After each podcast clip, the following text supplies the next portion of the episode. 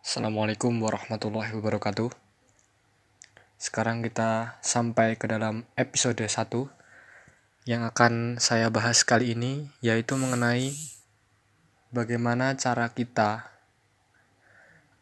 mengelola emosi agar selalu tenang dan tidak gelisah setiap saat. Telah kita ketahui bahwa era modern saat ini penuh dengan masalah dan masalah yang sangat bertumpuk-tumpuk. Apabila masalah itu telah bertumpuk dan tidak dapat kita kelola dengan baik, maka akan menyebabkan mental, hati, pikiran, dan jiwa kita serasa seperti tidak enak dan gelisah. Tentunya hal tersebut menyebabkan kita sebagai manusia kurang produktif.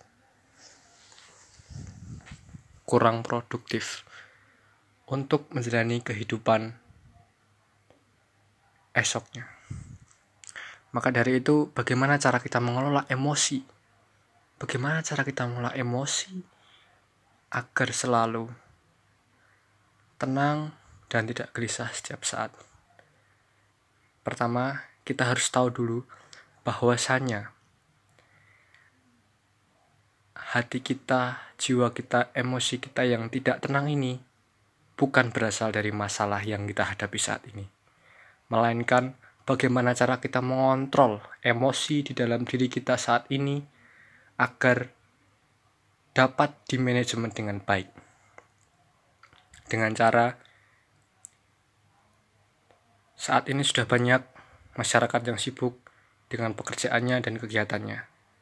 Maka dari itu, mari kita luangkan beberapa menit saja, sekitar 5 sampai 10 menit untuk mencari tempat yang kira-kira tenang, nyaman, dan sepi untuk mengintrospeksi ke dalam diri kita masing-masing, meresapi jiwa kita masing-masing, dan mulai mengintrospeksi ke dalam diri kita masing-masing apa sebenarnya yang membuat hati kita ini gelisah.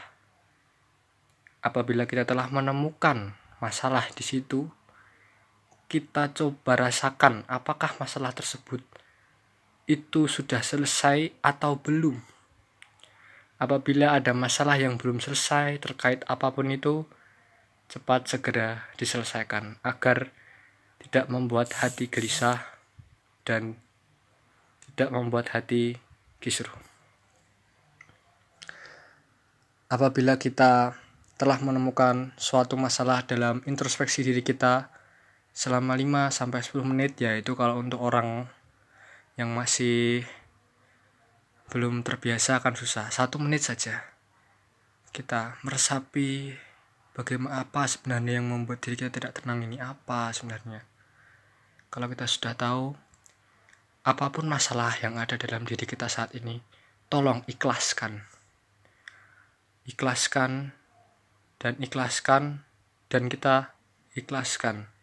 Karena sejatinya masalah yang timbul atau apa pun yang timbul di kehidupan kita ini merupakan pengalaman yang dapat kita ambil hikmahnya apabila kita terus berpikiran positif akan perihal masalah tersebut.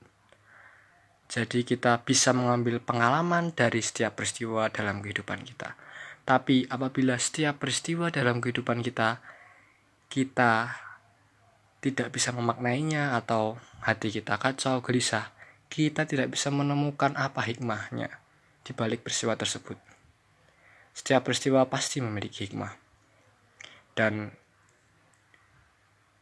kita apabila memiliki masalah terhadap sesuatu hal, mari kita sama-sama ikhlaskan. Walaupun itu sulit, mari kita ikhlaskan dan mari kita syukuri apa pun yang ada yang telah ditakdirkan oleh Tuhan kepada kita.